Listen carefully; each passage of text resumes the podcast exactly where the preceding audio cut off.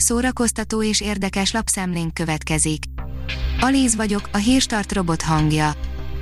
Ma február 12-e, Lívia és Lídia névnapja van. A MAFA oldalon olvasható, hogy romba döntött karrier, 20 pocsék film, ami kicsinálta a főszereplők karrierjét.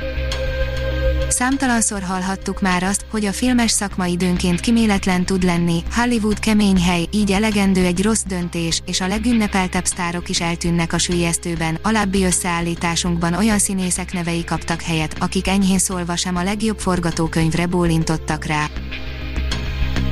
A tudás.hu írja, mitől sikeres a finn oktatás, a japánok mire tanítják a gyerekeiket. Egy afrikai falusi iskolában tabletekkel vagy okos telefonokkal sokkal hamarabb tanulnak megolvasni a gyerekek, mint hagyományos módszerekkel, derül ki az ELTE két oktató kutatójának, Halász Gábornak és Fazekas Ágnesnek, a Tudás keletkezése című, a Gondolat most megjelent nagyszabású könyvéből.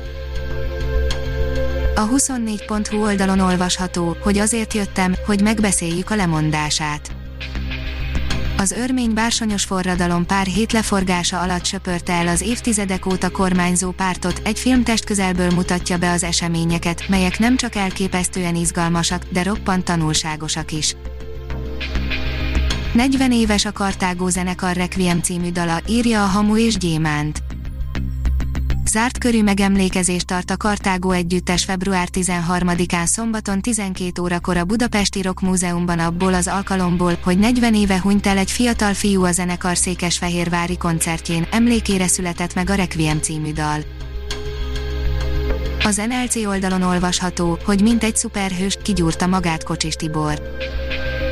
Kocsis Tibor 2011-ben nyerte meg az X-faktort, a visszafogott jó fiúból most 10 évvel később egy 30 kilóval nehezebb, kigyúrt, tetovált énekes néz vissza ránk.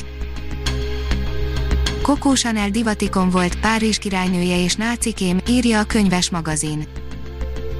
Coco Chanel fordulatos, ellentmondásokkal teli életébe enged bepillantást Pamela Binnings Even életrajzi regénye, honnan jött Chanel, hogyan építette ki a birodalmát, mi mindenre volt hajlandó a megvédéséért, és milyen titkokat őrzött, mutatunk egy részletet a könyvből.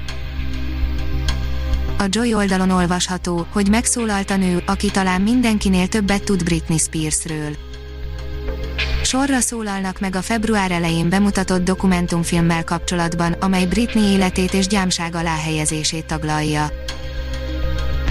A Librarius írja, Horváth Lili filmje sajnos kiesett az Oscar díjért folyó versenyből. Horváth Lili felkészülés meghatározatlan ideig tartó Együttlétre című filmje nem került fel a nemzetközi filmek kategóriájában Oscar díjra esélyes alkotások szűkített listájára, derült ki az Amerikai Filmakadémia közleményéből. Örkényuralom a Pécsi Nemzeti Színházban, írja a Hír TV. Orfűn, a tó mellett forgatták Örkény István sorozatuk következő darabját, amely nyáron egy vízisi, kempingágy és gumimatrac kölcsönzőben zajlik. A Blick oldalon olvasható, hogy katasztrófa helyzet az Egyesült Királyságban, összehívták a válságstábot. Az Egyesült Királyság az ország történetének legsúlyosabb fenyegetésével néz szembe, a miniszterelnök összehívja a válságstábot, hogy megoldást találjanak a helyzetre. A Kobra, a válságstáb működését péntek esténként 21 órától az AXN csatornán követhetik nyomon, a sorozatot péntek éjjel és vasárnap délután ismétlik. A színház online írja, végre egy kis csönd, online premier tart a katona. Pénteken 19 órától 48 órán keresztül nézhető az eszínhaz.hu a Katona Kortárs sorozatának első része, a Végre egy kis csönd, Garaci László darabját Máté Gábor rendezte, szereplők, Rezes Judit, Szirtes Ági, Mészáros Béla, Kocsis Gergely. A Hírstart film, zene és szórakozás híreiből szemléztünk.